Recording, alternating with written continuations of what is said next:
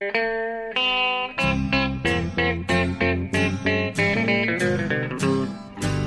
out there, we're on the air. It's hockey night tonight. Tension grows, the whistle blows, and the puck goes down the ice. The goalie jumps and the players bump, and the fans all go insane. Someone roars, Bobby scores at the good old hockey game. Oh, the good old hockey game is the best game you can name. And the best game you can name is the Hallå, hallå, hallå, hallå, hallå, hallå, hallå, hallå, hallå, hallå! Hallå och välkomna till NHL-podcasten med eh, Jonathan Onskan Ekeliv i Stockholm och eh, mig Per Bjurman i New York. Eh, det är dags för sista eh, fantastiska, vad ska vi kalla det, eh, jubileumsavsnittet innan eh, NHL-säsongen 2019-2020 brakar igång på allvar. Ja, Eh, ja, det är fantastiskt. Vi är riktigt eh, peppade nu, eller hur? alltså det måste man verkligen säga. Eh, nu känns det som vi är redo att sätta igång när vi har, ska man säga, fullbordat den här preview-serien med Central som väntar idag. Ja, vi, vi har ju hållit på med våran preview eh, i ett par veckor här, i tre veckor och eh, nu som sagt ska vi eh, slutföra den med avslutande divisionen Central, analysera de, sju lagen där och tippa eh, och eh, ja, sen är vi verkligen redo att spränga oss loss ur startblocken för en nio månader lång resa i den största showen på planeten.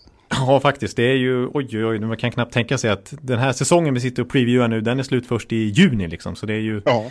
det är långt, långt, det är mycket hockey som ska spelas och mycket poddar och mycket snack vi ska hålla på med. Eh, men jag, jag måste tillägga också då, att apropå att vi känner oss redo för att sätta igång den här säsongen, så ja, precis nu, bara för några timmar sedan, så har vi i princip färdigställt, lämnat det sista till NHL-bibeln. Ja, precis. Det har ju varit en eh, pers också några veckor här med enormt mycket material som ska produceras till denna bibel.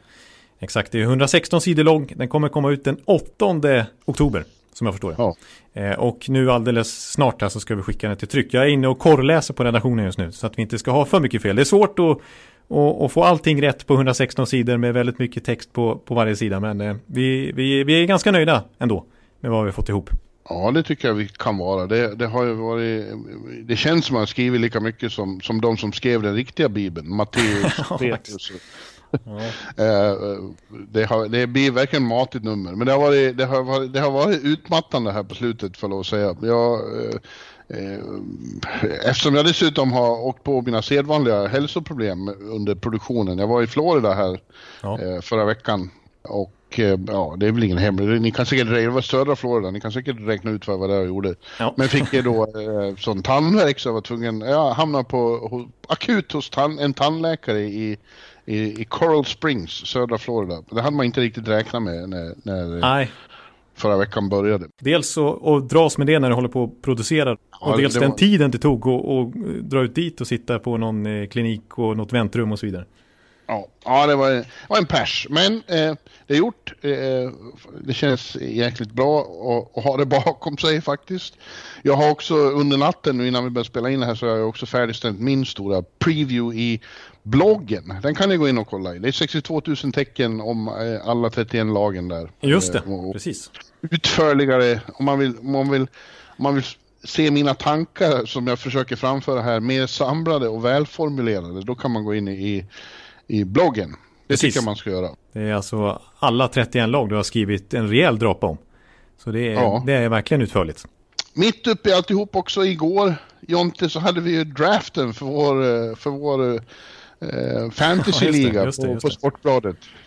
Det var två festliga timmar också som gick åt där. Ja, exakt. Det är intensivt med draften. Man är ju nervös för det är ju sätter ju liksom det är otroligt viktigt för utgången av säsongen för Ja. eh, New York Dolls respektive lyftkranarna. Ja. Eh, som, som tampas mot varandra i, i vår liga där. Ja, jag, är, jag måste säga att jag eh, sätter två plus på mitt lag. Jag är inte så nöjd. Nej, men det är jag. Därför att eh, expansionslaget New York Dolls kommer ju att göra ett helt annat avtryck i år. Förra året förstod jag ju faktiskt ingenting av vad som pågick när vi hade draften. Det var ju min rookie-draft. Och eh, jag förstod inte fantasy-konceptet egentligen överhuvudtaget. Och det tog ju sedan en månad in i, i, i, i grundserien innan, jag- innan jag ens liksom förstod hur man räknade och så vidare. Ja, exakt. Det var olika kategorier och vad, man ska satsa på. Man måste ju vara ganska cynisk när man spelar fantasy. Man kan ju inte gå på hjärtat och ta favoritspelare, Nej. utan man måste ju tänka bara renodlat siffror.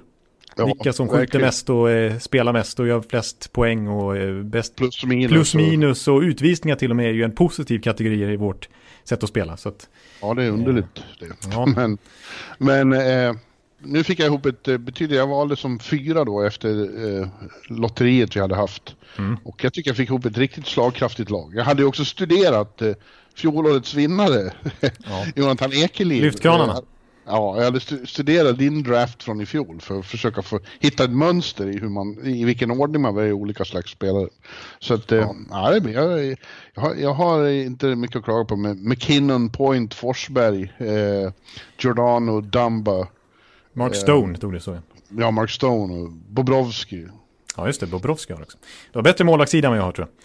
Eh, jag ville ju så jättegärna ta Burns, för jag var nummer nio i draften. Jag hoppades att han skulle sjunka, men han togs som nummer åtta, varpå jag blev totalt ställd.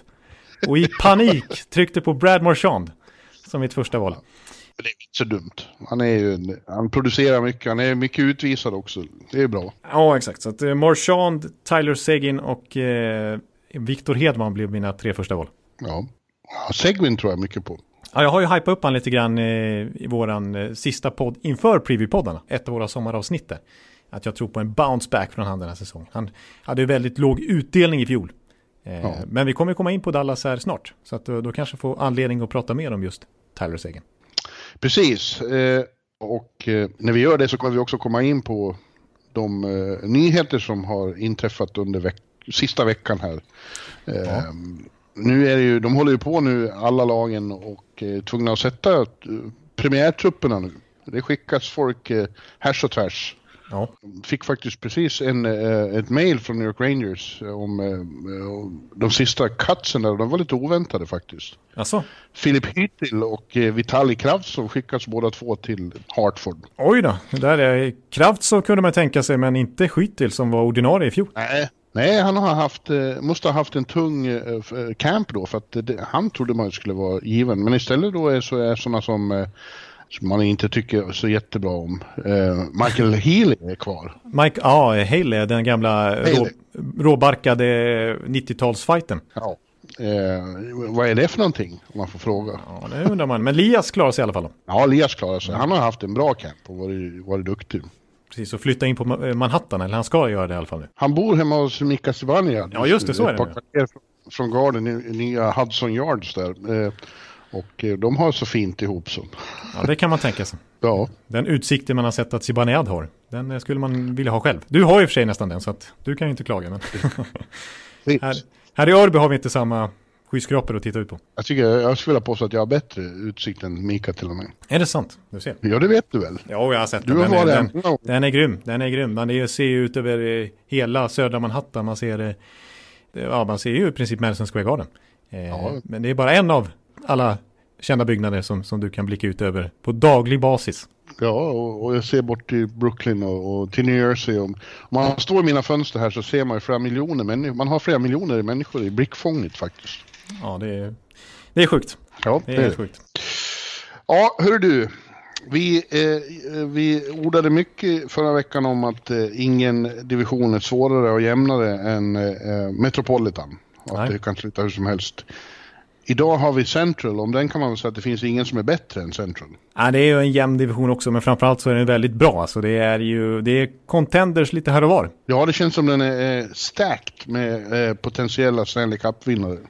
Ja, precis. Och det känns nästan lite orättvist att peta ut vissa av de här lagen utanför slutspelet. Det kan till och med vara mycket väl så att båda wildcard-platserna i den västra konferensen hamnar här i Central. Ja. ja, det är mycket möjligt. Och vi kör i bokstavsordning som vanligt och, och det betyder att vi börjar med eh, Chicago Blackhawks. Ja. Det forna storlaget som har haft det lite tungt på slutet. Kanske inte eh, tvingas genomgå en regelrätt rebuild men i alla fall något som har påmint om en. Ja, det kan man väl säga. En eh, liten rebuild on the fly.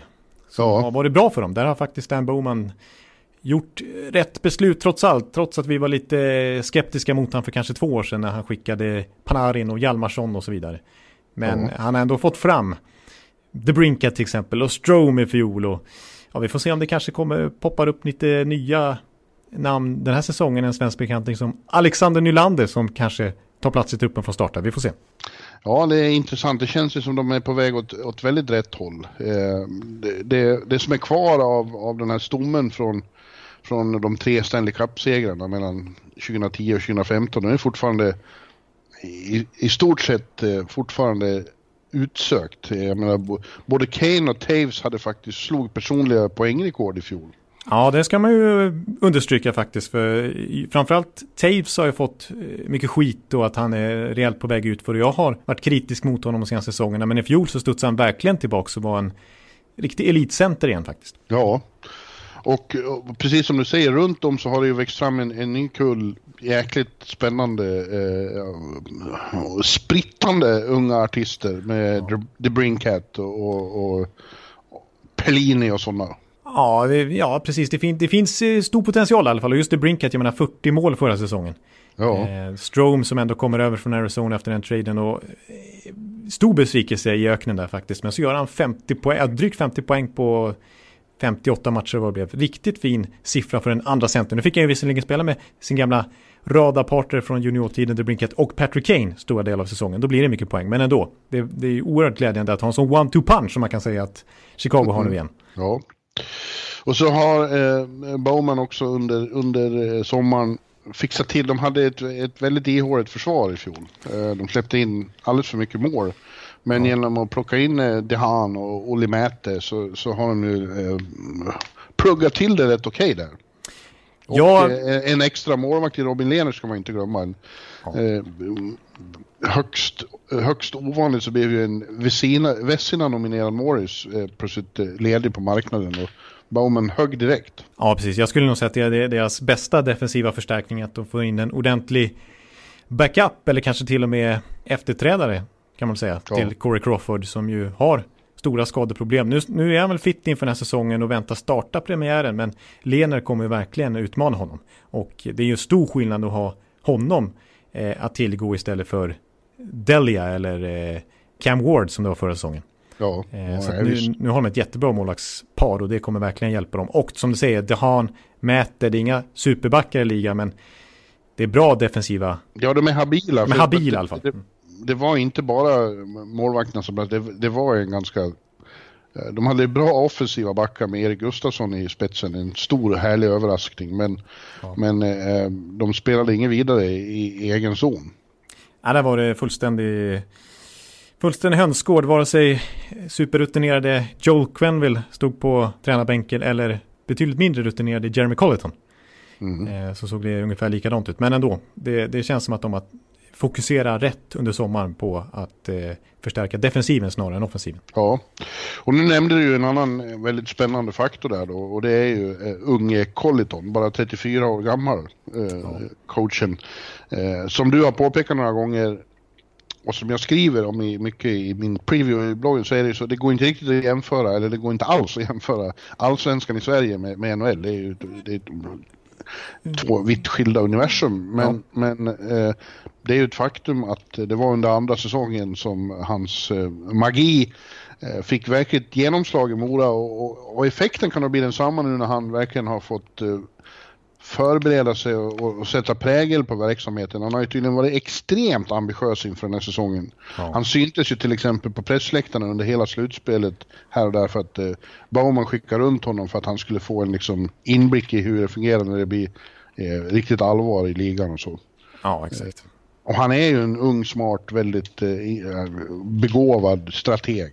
Precis, han har dels det här pedagogiska karisman för att liksom nå ut till spelarna. Eh, I Mora snackar ju alla om det. Det är ju som sagt i Mora jämfört med Chicago när han ska prata till Patrick Kane och Taves och så vidare. Men i Mora snackar ju alla om att alla spelare connectar med honom och verkligen tog till sig hans budskap.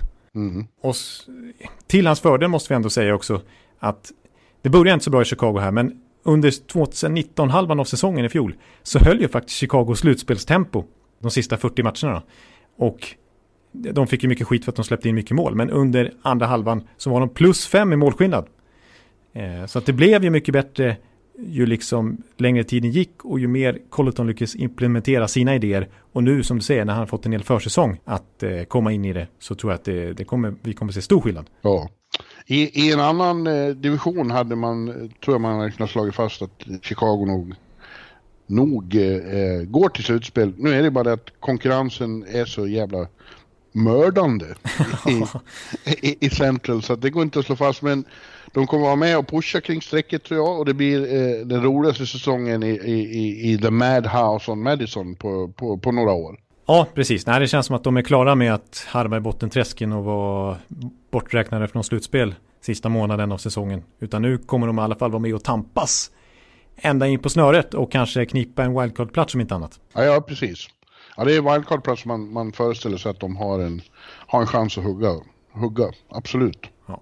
Jag vill lägga till också när vi pratar om Colleton och jag sa det redan i vår avslutningspodd när vi pratade om alla lag. Men det är ju ändå intressant också att han har Dels har han tagit in Mark Crawford som en av sina assisterande. Där snackar vi ju rutin, NHL-coachen 94. Men ja. utöver honom också Thomas Mittell, 38 bast från AIK förra säsongen. Som alltså är assisterande i Chicago Blackhawks. Så det är, det är ingen dålig karriärresa för honom heller. Nej, ja, det är kul. Mm. Verkligen. Sen har vi då Colorado Avalanche. Eh, och ja du, eh, det är 18 år sedan senast eh, de kändes som en contender och, och ju faktiskt vann då också. Men nu, nu, eh, nu är de för första gången sedan eh, Foppa och Sakic eh, på riktigt igen. Känns det ju som. Ja, det känns det som. Jag ska komma fram till det, men jag undrar om jag ska först här ska leka lite djävulens advokat och vara lite anti. Antiranta. Antiranta, ja. ja men, för det känns som att de har tagit framsteg de senaste åren, eh, liksom steg för steg och fjolårets slutspel var liksom det ultimata beviset på att de har slagit igenom nu som lag. Ja. Alltså de lekte ju med Calgary och de tog San Jose till Game 7. Eh, ja. De spelade en otroligt explosiv, intressant, rolig, sevärd hockey.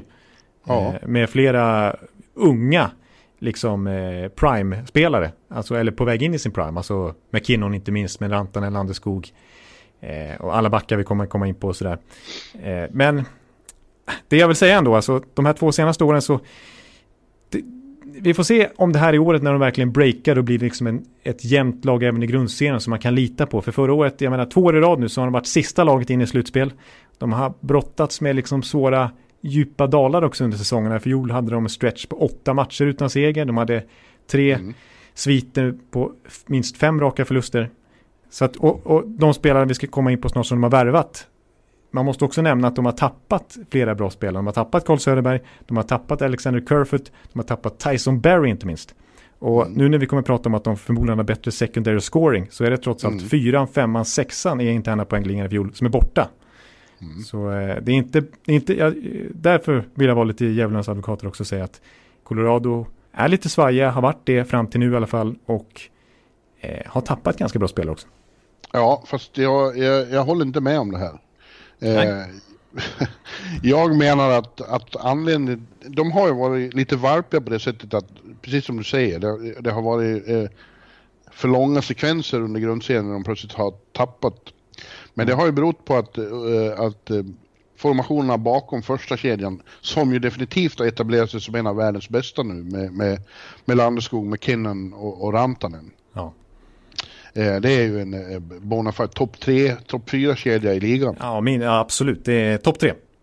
Ja, det är bara eh, det är Boston och, och, och några till som har likadan fantastisk kedja. Ja. Eh, men bakom där så har det varit även om du tycker att Carefoot och Söderberg, Söderberg var ju enastående i fjol, långa stunder. Men det har ju varit problem med bidragen från de kedjorna och jag tror att man har rättat till det nu. Men jag tycker att de här som kommer in nu, Kadri, Kadri är en utmärkt andrecenter. Absolut. Mm. Eh, och Burakovsky och Donskoj. Och Nikushkin som jag vägrar ge upp om. Jag tror fortfarande att det kommer att bli något av honom en, en dag. Ja, det förblir en uh, beauty-favorit. Ja. Ungefär som du tror på Arizona och Carolina år efter år så är Nikushkin ja. en sån spelare också. Ja, och jag, jag, eh, jag är övertygad om att det blir en annan stabilitet där och att de kommer, du nämnde ju ordet, sec, begreppet secondary scoring där, jag tror att de tar hand om det nu. Ja. Eh, det är också såklart, helst om det hade gått så hade de väl behållit Tyson Barry, utmärkt back. Mm. Men de har ju så extremt väl förspänt på backsidan med unga backar på väg upp. Så att jag tycker ja. det var korrekt att avyttra honom. Han är ju framförallt en powerplayback kanske. Och, eh, men där känns det som att deras powerplay inte nödvändigtvis blir flera hack sämre. Utan de har ju liksom Cale McCarr. Det är ju ja, potentiellt exakt. en av, eh, kanske inte den här säsongen ligans liksom bästa offensiva back. Men inom några år så kanske han är ligans bästa offensiva back. Och redan nu, jag menar redan i slutspelet gjorde han ett jätteavtryck. Så, ja, McCarr, Girard och, ja. och han de valde först i, i år, vad heter han? Bowen Byron. Ja, det är ju liksom om, om de kan behålla de tre, då har de ju helt otroligt bra backuppsättning. Över, ja, över, ja, precis över tio, över tio år framöver minst. Eh, nu... Bakar, som du säger, han, han kom ju in och var eh, en, han totalt respektlös, bara gick in och, och spelade storartad hockey direkt i slutspelet. Ja, exakt. Ja.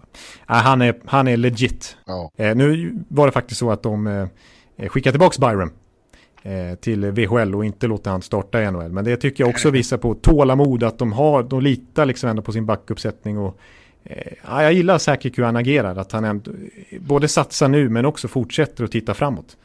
Ja. Kärnan är ju fortfarande ung i det här laget, de måste inte vinna i år.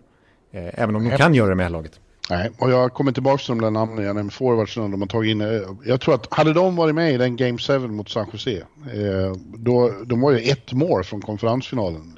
Ja, de har ett Jonas Donskoj mål från eh, konferensfinalen ja, och det är han de har värvat. Mm. Ja, jag tror att de hade vägt över i det avseendet. Jag, jag, jag, tycker Colorado är på väg mot något intressant. Det är, ett frågetecken dock är ju, eh, det blir väldigt tydligt att Philip Grubauer ska vara första Morris nu. Och eh, eh, med, den, med de förväntningarna på sig och kraven på att vara på extremt hög nivå månad efter månad. Ja. Kan han det? Ja, visst, eh, han och liksom Valamo kunde ju turas om lite i fjol. Och till slut var det Grobar som drog det längsta strået och var bäst av de två och fin-fin i slutspelet. Eh, men jag tycker att han är en bra målvakt. Alltså jag, jag, tror han klarar av att stå 60 matcher.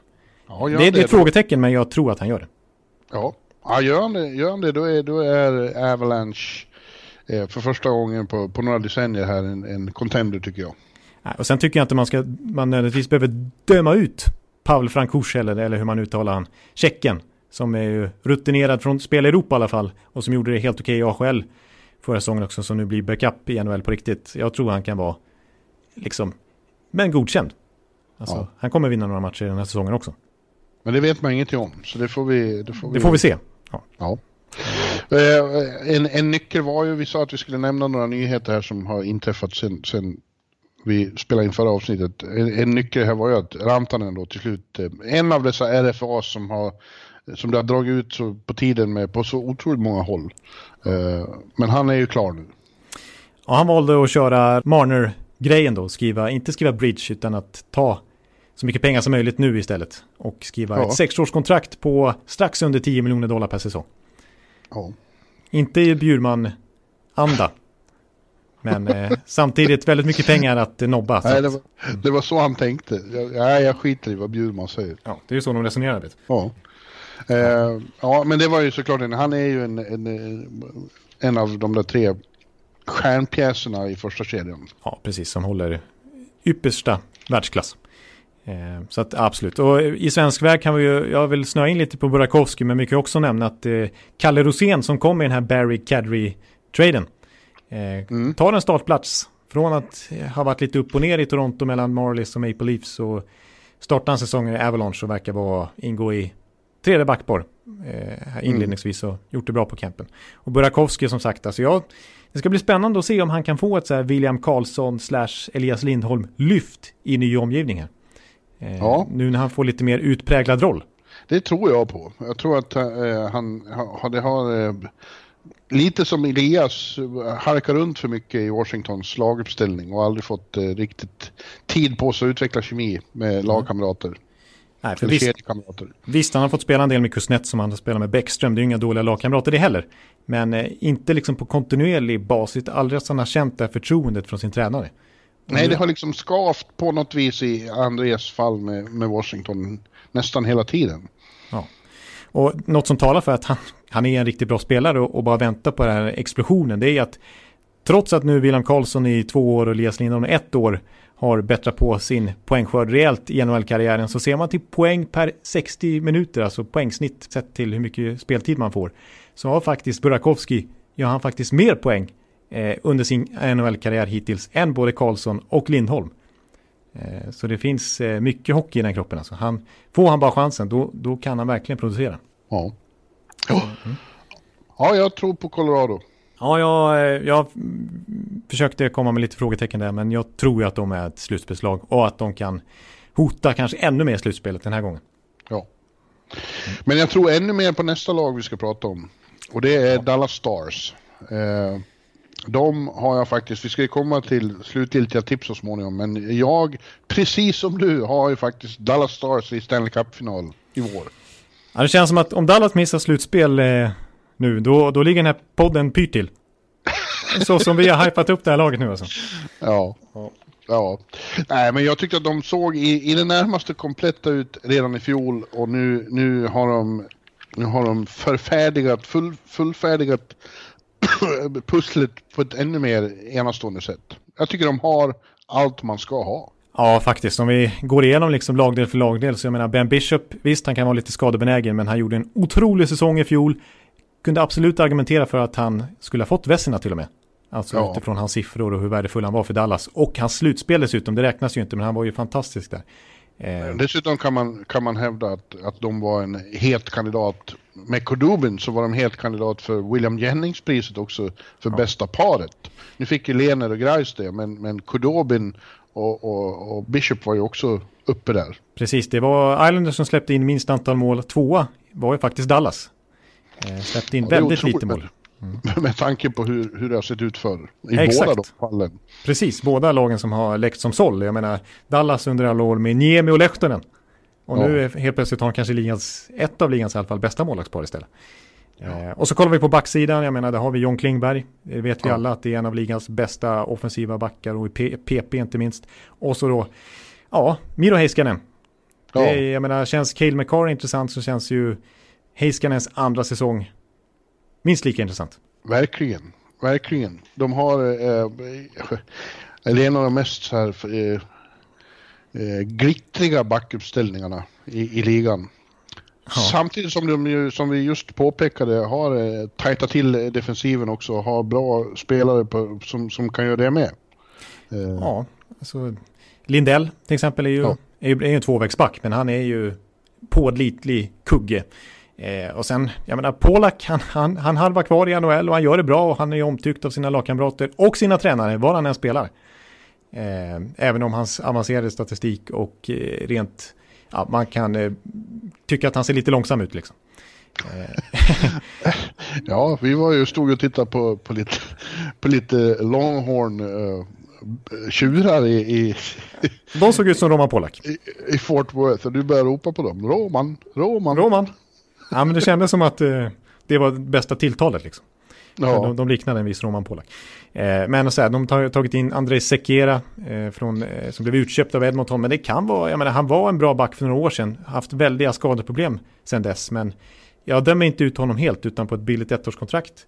Eh, så känns det som en eh, bra chansning av Dallas. Absolut. Vi går vidare till forwardsidan. Ja. Eh, den är, ju också riktigt eh, glamorös får man säga. Ja. Med eh, den etablerade superkedjan med Ben Seguin och Radulov. Eh, nu har plockat de in Pavelski och Corey Perry. Och Pavelski känns ju som en omedelbar eh, ja, konsoliderar centersidan. Och Perry är ju lite chansning, men det är ju så billig chansning så det skakar man liv, kan man skaka liv i honom, få ett fint år till ur honom, då är han ju ett superfynd också. Ja, precis. Det känns också som ett typiskt bra ettårskontrakt. Low risk, high reward. Ja. Eh, onekligen. Eh, och grejen var ju så här att för, visst, offensiven, hur sprakande den, den ser ut på pappret och framförallt som den var för några år sedan när, när vi kallade dem för ett massförstörelsevapen ungefär. Eh, så var det faktiskt så att i fjol så hade de ju problem under grundserien. Dels så blev de ju utskällda av sin, sin ägare. Ja. Vet vi ju. Eh, och faktum är att eh, Ottawa hade fler 15 målskyttar än Dallas. Eh, för bakom deras liksom superspelare Radulov, Ben och Segin, så var det inte så många mer som levererade. Eh, Faxa tror jag kom upp i 15 mål också, men annars var det torrt. Men nu som sagt då, de får in en 38 målskytt från i fjol i Pavelski. De får in en, en, en gammal målskytt i alla fall i Corey Perry. Och Rope Hintz kom in i slutet på förra säsongen och känns nu som en legit andra center utifrån vad han presterar i slutspelet. Eh, ja. Så... Och... Ja, Rope Hintz vart en stor favorit på en gång. Det tyckte jag var en jävligt underhållande hockeyspelare att titta på. Pondus. Explosiv. Ja. ja. Eh, och i det här så tror jag också att de kan väcka liv i ett antal spelare som har potential för att göra minst 15 mål och kanske 40-50 poäng. Mattias Janmark tänker jag på till exempel. Eh, och en sån som Radek Faxa är ju bra och när han ramlar ner till tredje center så, så känns det som att djupet genast blir starkare också. Så att, eh, ja, vi har berömt målvaktssidan, vi har berömt backsidan och nu berömmer vi forwardsidan också. Så på det viset känns det ju väldigt starkt, det här laget. Och jag, ja, och, mm. och, det är en sak till. Jag tycker de har en, en eh, ypperlig balans, eh, ålders och var man befinner sig i karriären eh, balans. Liksom. Ja. Eh, jag, jag ber att få, få eh, citera mig själv i, i, i bloggen. Ja, gör det. Eh, om, om, om vad det handlar om. Det, det är liksom en, en, en balans mellan ung iver, grupande mitt i prime-hunger och åldrande sista chansen-desperation. Ja. Eh, de, de, har allt det där och det brukar vara så man, man, man får till en riktigt eh, skummande Stanley Cup-brygd. Ja, exakt. Ja, precis. Nej, jag håller helt med dig. Det var välformulerat. Ja, det var inte därför jag var ute. Jag, var, jag orkar inte tänka ut något nytt. Och Nej, men det var, det, det, det, ska, det, det, det, det, var, det var eftertänksamt. Och jag håller med om det. Och det, jag kan känna så här också att jag blir inte förvånad om något annat lag i Central vinner divisionen i grundserien. För jag tycker att det här laget känns väldigt välkomponerat för ett slutspel. Mm. Och att det är då de verkligen kommer tända till. Jag blir inte förvånad om de slutar kanske trea i divisionen, det här Dallas-laget, trots att vi har berömt dem så mycket. Men i slutspelet så ser jag dem redan nu som en favorit. Jag har ju dem som mästare till och med, så det är klart jag gör det. Så, sånt är ju eh, intressant att säga, men det, det, är svårt att argumentera för det när man bara ska tippa. Då sätter man ju dem man tror går längre. Ja, jag vet, det blir ju så, exakt. Så att, eh, ja. Det är inte, men äh, vi ser det, vi kan ju säga så här, vi ser det här som det starkaste laget i superstarka Central. Ja, mm. ja. Vi har dem båda i final. Vi är rörande överens där. Det är ju fint. Det är fint ju. Mm. Mm. Minnesota Wild är däremot ingen av oss som har i final eh, eller ens i slutspel. För att eh, eh det gamla Ekans gamla favoritlag där uppe i, i, i de norra skogarna. Svenskbygderna. ja, eh, de har, eh, det har varit problem där och de kom ju till sin spets när de redan efter ett år såg sig tvingade att sparka general manager Paul Fenton. Ja. Det har ju varit väldigt bra sen Billy, Billy, jag kan aldrig uttala Bill Garin.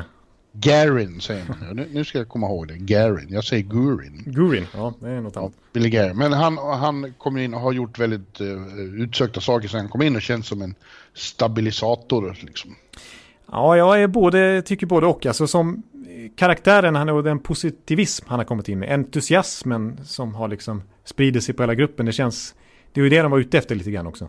Att få, liksom jämfört med 15 ja. som hade såg i politik och som vände sig emot både spelare och, och folk inom klubben så där. Så känns ju Bill Gary på ett helt annat sätt och som liksom knyter ihop Minnesota Wild som organisation istället. Men jag, jag tycker återigen att eh, de valde bort Ron Hextall av just den anledningen. De vill inte ha en sån eh, hårdför ledarstil. Men hans hans eh, sätt att se på hockey och hans sätt att bygga en organisation hade kanske varit bättre i det här läget att, att börja om lite grann istället för att Ja, nu när 15 bland det sista han gjorde var ju att ta in en 32-årig Mats Zuccarello på ett långtidskontrakt och bland det första som Bill Garin gör är att signa 29-årige, snart 30 år, han fyller i november, Jared Spurgeon på ett 8-årskontrakt.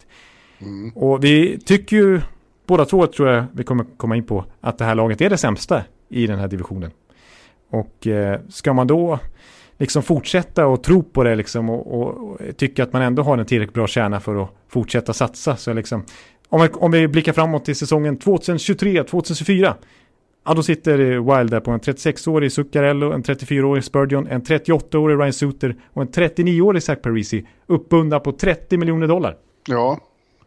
Jo, det, det, här är ju det är intressant aspekt. Eh, men nu är det ju så att han fick det han fick i knät. Eh, och Spurgeon tycker jag nog att man, det finns anledning, kanske inte knyta upp så länge kanske inte borde ha gjort. Men, ja, det är ju en bra spelare naturligtvis. men e- efter Fentons eh, liksom ja, respektlösa förhåll, förhållande till truppen. Mm. Det liksom var så länge snack om att han försökte trada Jason Sucker till vem som helst för vad som helst nästan. Ja, eh, ja. Så tror jag att det, det var liksom det här att visa förtroende för de som är där ändå betyder väldigt mycket. Ja. Eh, för det var inte hans fel att Fenton gjorde så konstiga trader och kastade bort eh, Charlie Coyle och Nino Niederreiter. Det har ju gjort att det, till skillnad, total skillnad från Dallas då, så är det ju fel balans här. Det, det tiltar åt fel håll åldersmässigt och eh, buffertzonen mellan de gamla och de unga är för ihålig. Liksom. Eh, ja. Det är ett glapp där. Och eh, ska det gå någonstans så krävs det så oerhört mycket av några unga spelare som jag inte vet om de eh, är jätteredo för, för de stora roller de måste ta. Ja, e Eriksson Ek, eller du tänker kanske på Donetto och Fialla? Och... Ja, och Eriksson Ek, absolut. Mm. Och Jordan Greenway och Luke Cunnin och allt vad de heter. Eh, ja, jag håller med. Jag, jag, känner lite grann, jag tycker att Minnesota liknar lite grann nu vad Detroit befann sig för 4-5 år sedan. Eh, det var hårda bud. Ja, nu, nu har inte Minnesota en eh, enorm 25-årig slutspelssvit att försvara ungefär så. Men de tror ju fortfarande själva att de kan utmana med den här kärnan ungefär. Eh, och försöker liksom bättra på den och bygga på den istället för att bygga en ny kärna. Och ah, jag tror ju att det gör att de sakteliga kommer bli sämre och sämre för varje år som går nu istället. Istället för att göra som Detroit har gjort nu och börja om. Eh, för man har inte en tillräckligt bra kärna som kommer underifrån med Donato, med Fialla som man har tradat till sig, med Eriksson Ek. Det är bra spelare men är det liksom elit franchise-killar att bygga kring? Tveksamt. De, kan, de, kan, de skulle kunna komplettera en redan bra kärna, men de har ingen bra kärna. ja, ja men jämför Bershon, Marchand mot eh, Koivu, ja, Stav. Nej, nej, nej, nej, såklart. De, är, de, är inte, de hör inte till toppskiktet på något sätt. Eh, men eh, jag tror nog att eh, det kan bli bra och när Garin får, får, får lite tid på sig att jobba så tror jag att det ändå går att, att, att, att göra något av det här. Men det var ju inte det var inte lyckat med de tomrum som har uppstått efter Coil och Niederreiter framförallt. Nej, men jag vill titta lite på längre sikt också om vi ser vad som kommer ytterligare underifrån bakom Ericsson Eko det här gänget.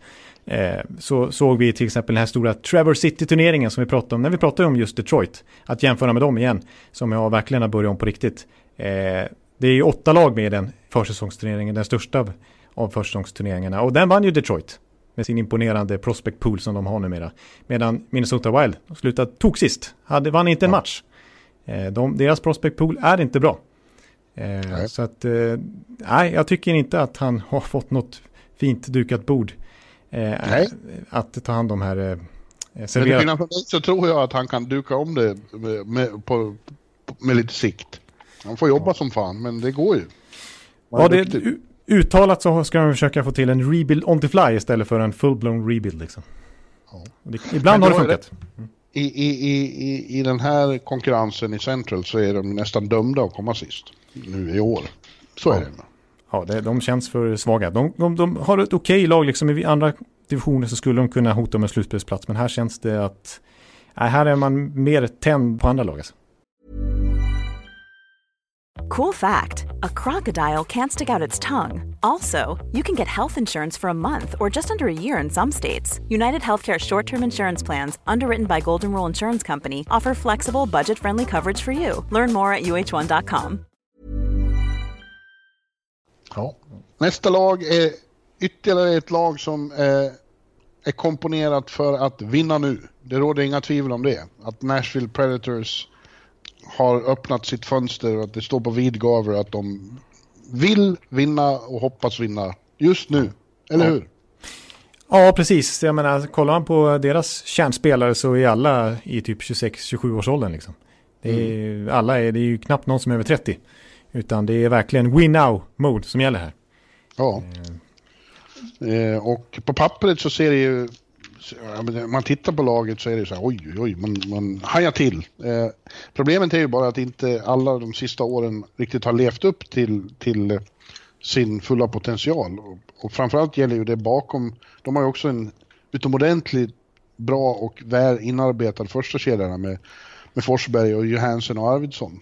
Ja. Men bakom dem är det ju några som, framförallt på forwardsidan, som inte har riktigt levererat. Eh, Kyle Turris är det eh, främsta exemplet, men eh, det ska ju finnas mer att hämta hos Colton Sissons och, och Nick Bonino också. Apropå det, liksom, eh, man tycker att de har offensiv spets, men vet du när senast en Nashville-spelare gjorde 70 poäng i NHL? När, vilken säsong det var?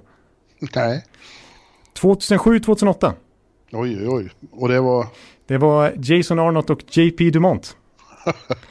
Så det, det, var ett tag sedan och eh, 72 poäng som de gjorde båda två den säsongen, 2007-2008, hade de gjort det förra säsongen här. De hade räckt till en 47 plats i poängligan. Ja. För att det görs ju så mycket mål numera i NHL. Eh, så att eh, de får verkligen inte ut max av det här laget. Alltså visst, dock vill jag nämna då att eh, både Arvidsson och Forsberg har snittat liksom att de skulle kommit upp i 70 poäng respektive över 40 mål i Forsbergs fall och även Arvidssons fall om de hade spelat hela säsongen. Båda har ju haft lite skadeproblem. Som ja. har gjort så Men ändå, det, det säger något om, om Nashville, eh, att de ändå inte lyckats maxa potentialen i truppen när det är 11 år sedan de hade ens en 70 poängspelare. Forsberg, precis som du säger, flipper. Han är ju, jag tror att om, han får vara frisk så är det ju 40 målsbarriären eh, kommer han att skjuta, skjuta hål på. Ja, och eh, den som gjorde mest mål av alla svenskar förra säsongen, det var faktiskt Viktor Arvidsson ihop med eh, Gabriel Landeskog. Båda gjorde 34 mål, men grejen med Arvidsson var att han gjorde 34 mål på 58 matcher. Ja, han missade hela inledningen nästan. Exakt, så att han hade ju ett målsnitt som Alexander Ovechkin. Det är helt ja. sjukt att säga, men han hade, hade han faktiskt på de 58 matcherna. Ja. Nu har ju då också eh, Poil då, general manager, den grånande, den enda Nashville någonsin har haft. Eh, han har ju inget emot spektakulära affärer så han högg för sig av Matt Duchene då hela tiden. Det var inget förvånande över det. Duchene har ju själv skickat ut signaler i år, många år om att han vill till Nashville. Ja. Eh, och eh, det intressanta där tycker jag att han, eh, han på något vis också personifierar det. För mig personifierar han det där med att ha en enorm potential men inte riktigt få ut den. De sista mm. åren i Colorado var inte så lyckade och Ottawa var inte så lyckade. Det är inget tvivel om att han, att han har förmågan men, men han måste få ut mer av den. Och det måste han verkligen nu i Nashville om det ska gå som de hoppas. Exakt, för att visst han är bra och apropå 70 poäng spelare så gjorde han faktiskt, kom han ändå upp i 70 poäng till slut i fjol. Men, ja. men vi har sett många exempel på eh, lovordade centra som kommit in i deras mix där och inte li riktigt lyckats prestera. Så att det vill till nu att Duchene är riktigt bra så att de kan forma en one-two punch värd namnet med eh, Johansson mm. och just Duchene. Och att han också kan spetsa till deras PP, för det pratade vi om jättemycket förra säsongen. De slutar alltså med på ja, lite drygt 12% bara, vilket är den sämsta noteringen under hela lönetagseran med detta spelarmaterial. Sensationellt. Ja, det, är, det är faktiskt inte acceptabelt. Det ska inte kunna vara så. Ja, det är totalt omöjligt för dem. De har ju backar så det sjunger om det som kan producera PP och de har forwards på respektive kant och framför mål som är experter på, på sånt. Så de, de måste kunna ha ett PP på snarare 25% än 12%, i alla fall över 20%. Ja. Och vad gäller backarna då så har the big four blivit the big three. För att PK Subban har blivit tradad till eh, New Jersey då. Eh, och, eh, men det är fortfarande en, en, en, en jäkligt eh, stark uppställning där med, med Josie och Ellis och Ekholm och Dante Fabro. Ja, det är en stor talang. Här, ja, med lite flyt så kanske han kan kliva upp och, och, och, fylla ut tomrummet efter PK. Det är inte otänkbart. Nej, precis. Och han är bra i egen zon sådär. Så är, han behöver inte producera så mycket framåt. För det har de ju ändå Ekholm och Josie och Ellis till. Eh, så mm. kan han vara stabil i egen zon då, då har de fortfarande en ramstark topp 4 så det sjunger om. Det är en av de bästa i ligan. Så att det behöver inte vara ett jättetapp utan det kanske är rätt ändå trots allt av Poil att förlägga mer pengar på forwardsidan än backsidan eh, och få in Duchene. Jag, jag vill säga, när vi pratar backar så måste man ändå säga slående statistik med Roman Josi som är på kontraktsår. Han ska ha mycket pengar här var det lider snart också. Eh, men så, så duktig skridskoåkaren är och så duktig pucktransportör han är. Jag brukar prata om zone entries och zone exits som du vet. Och mm. om man pratar, både och egentligen, om vi tar zone entries kan vi ta. Eh, att ta sig in i, i offensiv zon med kontroll på pucken. Han hade alltså 135 mer kontrollerade zone entries än någon annan back i ligan. Nästan dubbelt så mycket som tvåan. Sanslöst eh, duktig han är på att transportera puck och nästan lika slående överlägsen i att ta sig ur, ur egen zon med kontroll också. Så att eh, en superback den här Josi. ja, ja det, det, det, det, är kul när du nördar ner ja. Ja. ja. Ja, så är det målvakterna då. Vi får se, Pekkarinen börjar bli gammal. Eh, men eh, det har inte... Han hade en svacka för några år sedan, typ. Men nu har han ju varit eh, bra igen och skulle, skulle, jag tror att han har en säsong till i sig och har han inte det så är ju landsmannen Jussi Saros väntar på att ta över. Ja, det känns ju supertryggt där, men det känns som att vi har trott att Saros skulle kanske ha tagit över vid det här laget, men som du säger, Rinne har varit riktigt bra och liksom just nu går han in som, som starter igen. Han har ju, jag vet inte hur många säsonger sedan det var han inte var starter, jag tror han håller på att hota eh, Ja, det är bara Lundqvist och Quick tror jag som har varit eh, första målvakt längre av dagens mm. målvakter. Ja, det är helt klart. Får de till det och, och alla de här namnen vi har nämnt eh, höjer sig lite så är ju Nashville en contender. Jag, jag ja, ja. vi kan säga det. Och de kanske om... slår lite underläge också i år. Det snackas inte lika mycket om dem. De slår ju aldrig underläge, men inte på, det är inte samma enorma snack ja. om dem som kanske förra och förra, förra säsongen. Men fortsätter de underprestera en gång till, framförallt i början, då tror jag att eh, Peter Laviolettes era kan vara över. Ja, det känns som att han är den som sitter, alltså som är nästa att, det, det är ingen så här trade snarare som ska göra då, utan då är det tvärtom. Då är, är det på tränarbänken man måste ja, ändra personal för att få ut, eh, ja. spelarna har dem liksom. Exakt. Ja, sen har vi regerande Stanley Cup-mästarna då, St. Louis Blues. Ja. Och eh, det är intressant med dem på, på, på många sätt. Aha. För att eh, eh, det hör ju inte till vanligheterna att, att eh, regerande mästare kommer tillbaka med bibehållen styrka. Hela lönetakssystemet syftar ju till att motverka det. Ja, ja. Eh, men, men eh, sån som på några ytterligt få och inte särskilt eh, avgörande namn, Nej. Pat Maroon och Joel Edmondson, så kommer de ju faktiskt, ja, de ställer samma manskap på isen igen. Eller snarare starkare till och med eftersom den, det sena förvärvet där av, av Justin Brown. Justin Falk. Fåg, Fåg, ja. sorry, ja. Eh, stärker backsidan ytterligare. Ja, det var lite oväntat att de skulle hugga Fåg måste jag säga. Eh, speciellt med tanke på att, eh, apropå lönetaket då, att eh, Alex Pietrangelo sitter på utgående kontrakt nu inför, är det sista året för honom och han kommer vilja ha kraftigt med pengar. Eh, att ja. de tar in Fåg och dessutom förlänger hans kontrakt direkt. Eh, men de kanske löser det där på sikt ändå. Men eh, oj, vilken backsida de har. Jag håller med er, de har snarare förstärkt tycker jag. Eh, ja. Jag menar, Pareko, Falk, Petrangelo, Vince Dunn, våran favorit. Eh, mm. Kalle Gunnarsson eh, hade ju en liten metamorfos i en liten bounceback i slutspelet. Ja. Eh, ja. Och så Avgjorde en av finalerna i, i Sudden. Ja. Strålan. Exakt, så att, och sen så jag menar, de har ju en del unga spelare som jag tror mycket på eh, kan ta fler steg den här säsongen. Robert Thomas till exempel. Eh, Robbie Fabry nu när han har varit skadefri ett tag. Eh, och eh, Jordan Cairo, ah, så vidare. Eh, så Oskar Sundqvist kanske också kan fortsätta utvecklas, han är fortfarande ung. Absolut. Och ändå så känns det inte så särskilt sannolikt att de ska kunna upprepa. För dels eh, Stanley Cup Hangover finns. Det är ja. a real thing. Eh, men det är också så här att, och det, och det, framförallt beror det ju på, på konkurrensen och att eh, när man har vunnit Eh, och när, när så många som har väntat på att få vinna så länge. Eh, äntligen får göra det så smyger in, ska, man kan inte kalla det mättnad men, men den här desperationen mattas ju lite grann. Ja. Eh, medan andra fortfarande som inte har fått uppleva det där brinner på, på samma våldsamma hunger. Eh, ja. Och därför så är det svårt att klättra upp för berget en gång till. Exakt, för som du säger, det var, för hela klubben så var det första Stanley Cup-titeln på 50 år som organisationen har funnits. Och mm. ingen spelare i laget hade vunnit Stanley Cup tidigare i någon annan klubb heller. Nej. Så det var verkligen eh, äntligen för samtliga komponenter här. Ja. Eh, så att jag håller med att det borde smygas in en liten hangover och att de inte kan hämta kraft från den inspirationskällan på samma sätt nu. Nej, precis. Medan deras rivaler i divisionen verkligen kan det.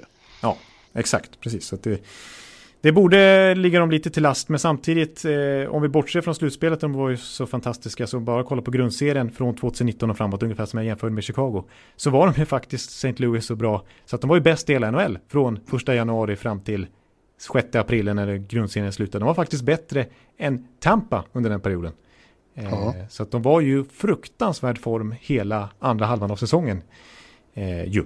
Eh, så ja. de, de, de, kan ju verkligen spela otrolig hockey liksom när de är som bäst. Och då vill det också till att Binnington är på riktigt. Precis. Man får ju för sig bara, vet inte varför målvakter som slår igenom på hans sätt, på Matt Murray-sättet.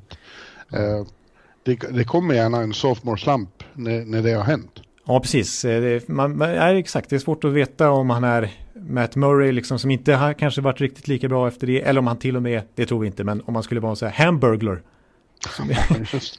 Som, ju var fruktansvärt bra under några månader, ska vi komma ihåg, när Ottawa gjorde en liknande eh, resa från botten av tabellen till slutspel åtminstone, inte till Stanley Cup, men i alla fall ett osannolik slutspelsplats. Eh, men nej, Binnington, jag har skrivit ett stort dokument om honom till NHL-bibeln faktiskt. Ja, just det. Eh, då har jag ju satt mig in mer i hans bakgrund och så här och det är verkligen, jag, jag övertygas om utifrån det att han är på riktigt. Alltså så som han har ändrat sitt träningsupplägg, kost, eh, sömn, återhämtning, allt sånt där. Han är otroligt professionell och det var han inte tidigare för att han var ju betraktad som en supertalang i junioråldern. Han spelade JVM för Kanada och så vidare. Eh, så eh, han var betraktad som en supertalang då, men han var inte tillräckligt professionell utanför isen. Han var lite festprisse i Toronto Vet du? Ja. Eh, men nu, nu är han tvärtom, nu är han superseriös och då har hans karriär verkligen vänt. Ja, och med allt det sagt från min sida som har låtit negativt här så är det ju också samtidigt så att de inte bara var jävligt bra under eh, andra halvan i fjol och genom hela slutspelet. De hade ju också den här mycket intressanta kackerlackstendenserna. Det vill säga en enorm motståndskraft och förmåga att komma tillbaka från vad som än hände. Och det är ju alltid eh, väldigt eh, Eh, produktivt att ha det.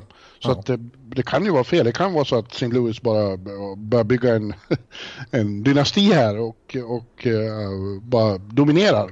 Men jag ja. förhåller mig uh, tills vidare tveksam kring den utvecklingen. Ja, på något sätt så vill man ändå tro att det inte ska räcka hela vägen en gång till. Trots att mycket, det finns mycket indikationer på det. Men Ja, det är ju som det är ju bara Pittsburgh under hela 2000-talet som har lyckats försvara sin Stanley Cup-titel. Så det är verkligen undantagsfall eh, man har sån kvalitet att man kan göra om det två år i rad. Ja, mm. ja du, Jonathan Ondskan Ekeliv. Ja. Nu är det bara det 31 laget kvar av alla vi har gått igenom. Oj, oj, oj. Eh, och, det, och det är då Winnipeg Jets. Ja. För ett år sedan, mångas, mångas stora favorit till Stanley Cup-seger i år ingens favorit till Stanley Cup-seger.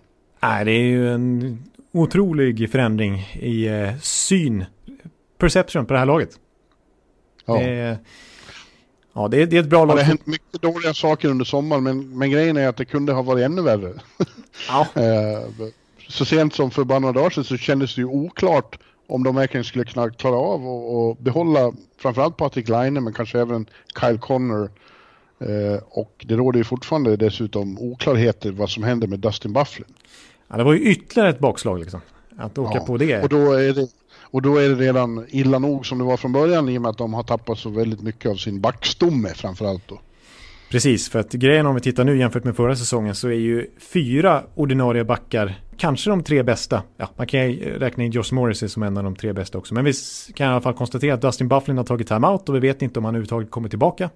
Eh, de har tappat Jacob Troba till New York Rangers, de har tappat Tyler Myers till Vancouver och så tycker jag man kan räkna in Ben Sherrott som ändå var ordinarie till Montreal. Mm. Och eh, helt plötsligt så, så verkar det som att Neil Pionk ska vara i första backpar i detta Winnipeg. Ja, ja, ja, det skrev jag om i, i natt. Alltså, för oss som har sett honom något år här i Rangers är ju det ett, vi kan bekräfta att om han är i första backpar då har man problem. Ja, precis. Alltså det, det, det, finns viss eh, liksom, eh, kvalitet i han, men alltså, han ska inte ha en så stor roll. Det visar han i New York Rangers, att då blir det farligt. Han ska inte spela 24 minuter på en match. Nej. Eh, så att, nej, och nu har, jag menar, Ville Heinola har visserligen imponerat på campen här, deras första val, som nummer 20 i sommarens eh, draft, som de till slut kunde lägga beslag på själva. De tradade ju det valet till New York Rangers för Kevin Hayes i slutet på säsongen. Så fick de tillbaka det mot Jacob Trouba. Och så blev det Ville Heinola. Och han som 18-åring nu ser ut att ja, förtjänat det visserligen men också tvingas ta en ordinarie plats, plats direkt för att de har inte så mycket annat att konkurrera med. Eh, så han går in från start. Ja. Ja, eh, offensivt ser det betydligt ljusare ut då. Nu när Lina och Connor ändå har skrivit på. Det dröjer väl innan de kan spela dock. Ja. Och eh, jag tror ju dessutom att det, det, har varit för mycket eh, liksom stök och friktioner under sommaren mellan nyckelspelarna och klubben och, och jag tror att det kan också påverka negativt.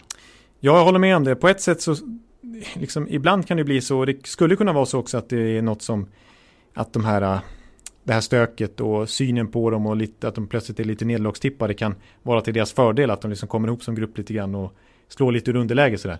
Eh, men det snarare känns det som jag håller med dig om att det kanske har varit lite splittrat. Det är inte så bra signal heller att den bästa backen inte vill komma dit och spela med dem. Och eh, att Patrik Laine yttrar sig på det viset som han gjorde om Paul Maurice och eh, Brian Little inte minst, en lagkamrat. Ja. Ja. Det sänder inte så bra signaler det heller. Så att det kan vara lite splittrat i det omklädningsrummet nu. Ja, det tror jag. Ja, det är, det är olyckligt och, och, och, verkligen lite förstummande hur snabbt det kan gå och förvandlas från, från eh, en sån eh, utmanare till, ja, eh, det känns ju som att det enda lag de kommer ha bakom sig i den här divisionen, alltid sagt och gjort, det är Minnesota. Ja, faktiskt. Det är, både du och jag har Chicago före. Ja, eh, ja det, visst, det kan vara så att jag, jag blir inte förvånad om Winnipeg går till slutspel. Det blir jag absolut inte, för så, sån kvalitet framförallt offensivt har de ju. Men eh, nu på pappret och ja, just de här dubierna kring dynamiken i laget också så känns det som att de är nog näst sämst i den här divisionen. Ja. Så, ja. Ja, och det, hela det här leder till för min del då att jag, nu har jag tippat alla, tvingats tippa alla divisioner och jag ja. känner mig, precis som du berättade när du hade gjort det här tidigare och tidningarna, att man, man tittar så nej hur kan jag påstå det? Man, man dividerar med sig själv och så. Men Ja. Central känner jag mig ändå, trots att det är så hårt och jämnt, så ja, den, ja, så här blir det nog. Du är nöjd med Ja. ja, jag har eh, etta Dallas, tvåa Colorado, trea Nashville, fyra St. Louis, femma Chicago, sexa Winnipeg och sjua Minnesota och jag tror att eh, det är St. Louis och Chicago som tar wildcard-platserna. Ja, eh, då är vi rörande överens igen, precis som vi var med Dallas. ja. För att jag har nästan exakt samma, jag har precis som du St. Louis och Chicago som båda wildcard-platserna. Eh, den enda skillnaden är att jag har faktiskt Nashville före Colorado tror jag. Ja, jag kan tänka mig, det hördes ju på dig att du ja. inte var riktigt... Ja, eh, viss skepsis fortfarande mot detta Colorado. Mm. Ja. Ja, och jag har också fått skrivit då att det är konferensfinalen i öst. Det är Tampa Bay mot Washington. Tampa Bay vinner med 4-2. Härligt. Konferensfinal i väst, Dallas mot Vegas och Dallas vinner 4-3. Stanley Cup-final, Tampa-Dallas 4-2. Stanley Cup-mästare Tampa Bay Lightning. Oj, oj, oj, oj, oj, oj. Hjälp. Ja. Första utmanare i öst, eller an, eh, alltså bakom eh, final, eh, konferensfinalerna då. Mm. Ytterligare tre utmanare för mig är i öst. Boston, Florida, Toronto. Mm. Ytterligare tre utmanare här i väst då är Nashville, Colorado och San Jose. Ja. Ja. Jag, vill, jag vill komma tillbaka till Tampa för vi var ju lite, när vi pratade om dem så var vi så, men jag har kommit fram till att eh, jo, ta mig fan, nu händer det. Om inte det som hände i våras tar fram det allra bästa hos den här gruppen, då händer det aldrig. Men då är det kört. Händer, ja, nu händer det. Nu händer det. De är bäst och de kommer att, vara bäst i år. Oj, jag, jag tänker inte säga någonting. jag, jag tänker inte säga någonting. Men eh, det låter lovande Men får vi, höra, får vi höra dina konferensfinaler i öst och väst? Eh, jag vågar inte ens tippa på Tampa så att jag, nej, jag kan inte göra det. Eh, så att det blir, eh, da, ehm, i öst så blir det Boston och Washington. Jaha. Precis som du sa. Och eh, jag har faktiskt satt 4-1 eh, i matcher till Boston. Oj, oj, oj. Ja, du ser vad jag tog, tror på detta Boston-lag. Tampas gamla banemän. Och eh, sen har vi då Dallas och Vegas, precis som du. 4-3 matcher i ja. väst. Och final Eh, där eh, Dallas vinner på hemmaplan 4-3 matcher mot Boston. Ja, ja. Ja, jag har också eh, slagit fast att eh, Nathan McKinnon vinner poängligan. Att Ovechkin vinner målligan. Att Erik Karlsson blir svensk poängkung och Filip Forsberg svensk målkung. Sätter du emot någonstans där? Ja, jag har lite andra eh, som jag har skrivit upp här. Mm. Ja, jag säger ändå lite tråkigt nog, det, du har ett mer fancy val att säga att det är dags för McKinnon att vinna poängligan här. Ja, I synnerhet som jag också valde honom först i fantasyn så vill jag att det ska vara så. Ja, du har flera anledningar att, att hoppas på det. Eh, men jag säger, man skulle kunna tippa på Nikita Kutjerov, han gör ändå 128 mm. poäng i fjol, ganska överlägsen etta. Eh, men jag säger Conor McDavid. Ja. I så fall tredje gången i hans NHL-karriär redan som han vinner poängligan. Och faktum är att om vi räknar bort hans första säsong, han missar ju halva. Så andra säsongen gjorde han 100 poäng, sen gjorde han 108 poäng, nu gjorde han 116 poäng. Det borde ju bli 124 poäng. Med, eh, om man eh, ska dra några slutsatser av det. Mm. Jag menar, han är, vad är han, 23 år nu, han är 97, han blir 23 2020 här. Så att han är ju verkligen in i sin prime. Man brukar ju prata om nu att 23-25, där är dagens prime liksom. Eh, det känns som att han kommer fortsätta bara ösa in mål och poäng, trots att han har sämre lagkamrater kanske än, än vad Nikita Kutjerov har, eller McKinnon för den delen. Men eh, jag tror på, på McDavid. Mm. Och sen sa du, du sa med jag är svensk poängkung, där sätter jag Elias Pettersson. Ja, just det. Mm. Det, är, ja, det är såklart ett, ett bra alternativ, men jag tror att det här är EB Eriks stora comeback-show i år. Ja, precis, och han är van att han har ju vunnit Svenska poängligan några gånger förut när han varit frisk, Erik. Så att han har ju den potentialen. Elias Pettersson eh, som ju missade lite i fjol på... Eh, han, dels så blev det lite sämre i slutet på säsongen när han tappade lite och sen hade han ju sin hjärnskakning där också. Så han missade några matcher. Men eh, han hade faktiskt mest poäng per 60, min favoritstatistik där. mest poäng sett i spelade 60 minuter. Så att är han frisk och 82 matcher då tror jag att han vinner poängligan bland svenskar. Mm. Mm. Eh, sen har jag faktiskt satt, jag har även nämnt att Mika Zibanejad ihop med Panarin eh, i samma PP som eh, Kapokak och Panarin och sådär, att det kan bli ännu mer poäng från hans sida. Och så har jag även skrivit upp William Nylander. Ja, just som, det. Honom tror vi på i år. Mm, som är potentiell. Sen eh, målkung bland svenskar eh, så har jag faktiskt stuckit ut hakan och eh, tänker att en sån här spelare ska studsa tillbaks. Rickard Rakell. Ja, just det. Sa du någon målkung Nej, det har jag inte gjort. Eh, rent generellt då? Precis, ja, där är jag tråkig och säger att den snubbe som har vunnit 16 de senaste sju åren gör det igen, Alexander Ovechkin. Trots 34 bast nu, men han, han fortsätter att göra över 50 mål liksom. Så att jag, jag tror han kan vinna igen. De stora rookiesarna, det blir en underbar kamp att följa här i, i Metropolitan Area mellan Capo Caco och Jack Hughes. Med all säkerhet. Ja, det är precis. Det finns ju andra alternativ också, men det känns som att de två har väldigt stora chanser att, att ta hem College Trophy alltså. Eh, och min favorit, jag tror du har satt samma faktiskt, men eh, jag säger Jack Hughes. Ja, jag säger Capo. Du säger Caco, okej. Okay. Mm. jag tror det, bara för, bara för att vara lite annorlunda. Ja, men jag... jag Fast, ja, Hughes kommer kanske få spela mer ändå. Och vara en större roll. Ja, och sen samtidigt har vi pratat mycket om att Kakko är mer NHL-redo och visade i VM hur eh, enkelt det var för honom att möta spela på den ja, nivån. Men Hughes har sett så jävla bra ut på försäsongen. Precis, och jag vill säga det att, att eh, det finns en, jag menar, han är ändå van med små rinkar som det handlar om i det här fallet. Och, ja, det är också och, sant. Och, och Kakko, nu är det små rinkar och han ska akklimatisera sig till en ny kontinent, prata engelska istället för finska liksom. Eh, så att det finns eh, vissa akklimatiseringsfrågetecken för han också. Mm. Eh, tycker jag. Så att ja, jag säger ljus. Svenska rookies. Eh, det känns ju, Victor Olofsson kommer ju räknas som rookie och ser ut att få en stor roll i Buffalo. Så de tror jag mycket på. Men eh, du nämner ju också, vad heter han? Eh, de här i Toronto. Sandin har ju tydligen imponerat väldigt på Babcock.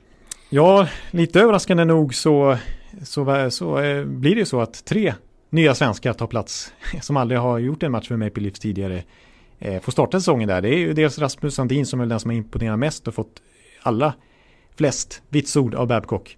Eh, men även Timothy Liljegren, gamla första runda valet för några år sedan, eh, tar ju plats här i laget. Och den största överraskningen, Dmitrij Timashov. Ja. Nästan bortglömd i deras eh, eh, liksom, eh, farmarlag där. Där är ju även Pierre Engvall och för, förra året Carl Grundström och några till har huserat. Eh, gjort det bra i AHL och utvecklats liksom som eh, bottom six kompatibel i NHL kanske. Han, han har blivit bättre defensivt och spelet utan puck och sådär. Så att, eh, är ju skicklig offensivt, lite snidare och sådär. Men också nu har Babcocks förtroende att kanske spela en tredje, fjärde kedja i NHL. Ja. En, en favoritsak att uh, spekulera om är vilka coacher som kommer få sparken först. Ja. Uh, och eh, ja, nu är det så många nya och de får inte sparken så vill de inte göra totalt fiasko direkt. Så att eh, det är ju snarare så, och så är det några som man vet precis har fått nya kontrakt och, och det tros på mycket. Det är väl några som, vi, vi sa ju Lavi där i Nashville, om, Ja. om de här de som har varit länge hos lag som ska eh, utmana nu men börja underprestera, då ligger ju de risigt till och eh, det gäller ju även Babcock i hög utsträckning. Ja, nu, han skrev sitt åttaårskontrakt nu, men nu har han passerat hälften av det. Så det är bara fyra år kvar faktiskt. Så Och han, de har inte vunnit en enda slutspelsserie under hans regim. Nej, precis. Så att det börjar bli liksom, eh, för första gången i hans Toronto-karriär så kanske det ändå finns en risk att han sparkas. Ja, han och Lavi ligger i sig till De Boer om de skulle eh, eh, ställa till det. Ja. Kan han ligga i sig till. Ja, precis. Och jag tänker faktiskt att eh, Montgomery, så som vi har hypat Dallas nu och så som deras ägare har kravbild på detta bygge. Nu Ja, tycker jag att Montgomery har gjort det bra, men skulle de sladda i tabellen Dallas, då tror jag att det är lättast att rycka honom. Men han är ju bara andra säsongen, gör man verkligen Ja, så? men det, jag menar, det är, det är, de måste vinna nu vet du, detta Dallas-laget. De börjar bli äldre, de här äl- äldre killarna i kärnan. Så att, eh, och de där ägarna har inte tålamod, det såg vi ju i vintras. Blash Hill kan också åka i Detroit eftersom eh, Iceman har kommit in. nu är det inga förväntningar på att de ska åstadkomma någonting. Eh, men han vill väl förmodligen, eh, han har säkert ett eget namn någonstans, Stevie Wonder, som han vill fasa in där så småningom.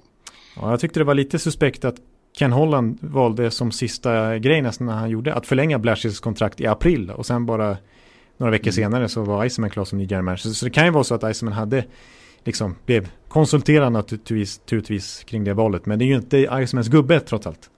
Nej. Mike Sullivan är en annan i Pittsburgh som jag tror kan sitta löst trots att han skrev nytt kontrakt i fjol. Det, det, I somras till och med. Ja, det, det, det ser lite svajigt ut i Pittsburgh.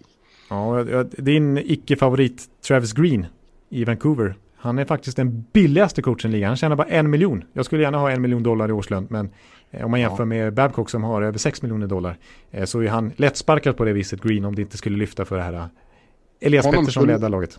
Honom skulle jag vilja se sparkad faktiskt nu när du nämner honom. Jag skulle vilja ha in en, en, en mer dynamisk coach där. Nu är det väl inte, med- det kryllar ju inte av tänkbara kandidater på marknaden som är lediga, men ja.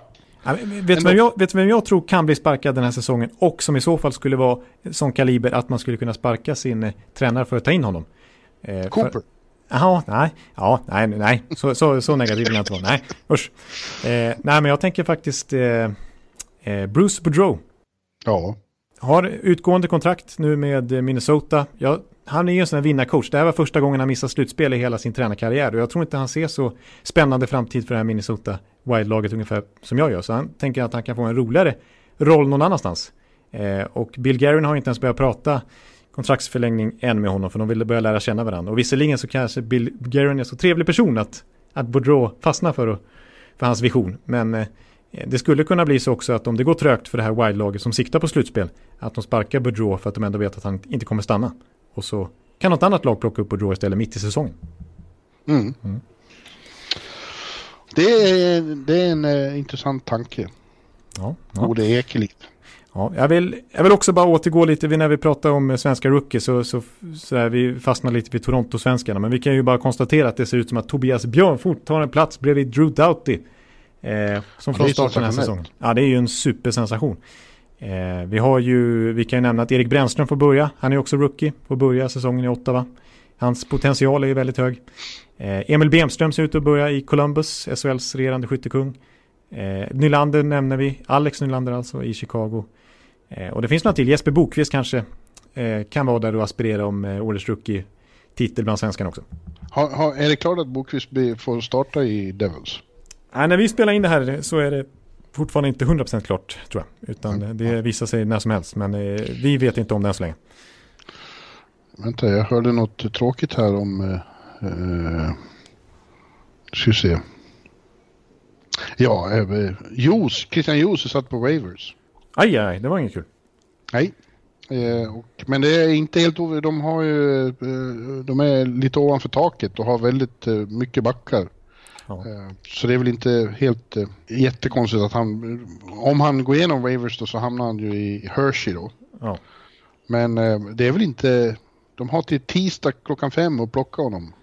Ja. Det finns ju de som behöver backar. Så varför Ja, just det. Han kan ju bli upplockad faktiskt. Så är det. Winnipeg kanske hugger till Ja, precis. Det skulle vara nog vara en bra eh, kille för dem att plocka in. För att han är för bra för AHL. Det har han ju visat. Han är ju en poäng per match spelare i AHL. Ja. Eh, och det känns som att han har NHL-potential i sig. Ja. Eh, om man bara får förtroende. Anaheim kan också ta honom. Det vore kanske roligare att flytta till eh, Orange County. Ja, det är Till- precis. Rent klimatmässigt så är det väl sämsta möjliga att lämna Washington för eh, Winnipeg. Liksom. Ja. Ja, ja. ja, men hörru du. Börjar vi bli klara nu, Jonathan Ekelind? ja, jag tror faktiskt att vi kan eh, tacka för oss den här eh, försäsongen och eh, ja, börja blicka framåt på riktigt mot det som, som komma skall här nu på natten till torsdag och återkomma nästa vecka med en riktig podd, alltså en podd som handlar om säsongen 2019-2020 på riktigt. Ja, när vi har saker att prata om vad som har hänt. Det ju bli helt fantastiskt. Exakt, vi ska inte sitta och spekulera längre utan vi ska prata om första veckan då. Och Ja. eh, visst, vi brukar ju återkomma till då att nej, nu ska man inte dra för stora analyser. Men ändå, vi kommer göra det. Det, det är kul. Vi, vi, vi måste få, få, få riktigt Ja. kött på benen nu att eh, Ja, vi kommer inte, som, precis som alla andra kommer vi att ha glömt att det som hände i oktober inte är så jätteviktigt. Vinner någon sju matcher i rad så kolla, kolla Ottawa, de är ju en contender. ja, de är otroliga. Precis, Ja. precis. LA Kings, vilken start. Ja, ja men eh, då ber jag att få önska dig och alla lyssnare en underbar opening night på onsdag. Ja, men tack så jättemycket och vi önskar detsamma. Och nu ska ju NHL-bloggen börja på riktigt också. Nu, Yes, nu kan man hänga, hänga med Bjurman på nätterna i NHL-bloggen också. Så att det, det är... Nej, tack så mycket och eh, jag säger detsamma. Eh, Grattis, höll jag på att säga. Ja, ha det underbart så hörs vi nästa vecka. Hej! Hej! Hallå, hallå, hallå. Hallå, hallå, hallå. Alex Chiazot, Joe Luis Arena och Esposito. Esposito. Uttalsproblem, men vi tjötar ändå.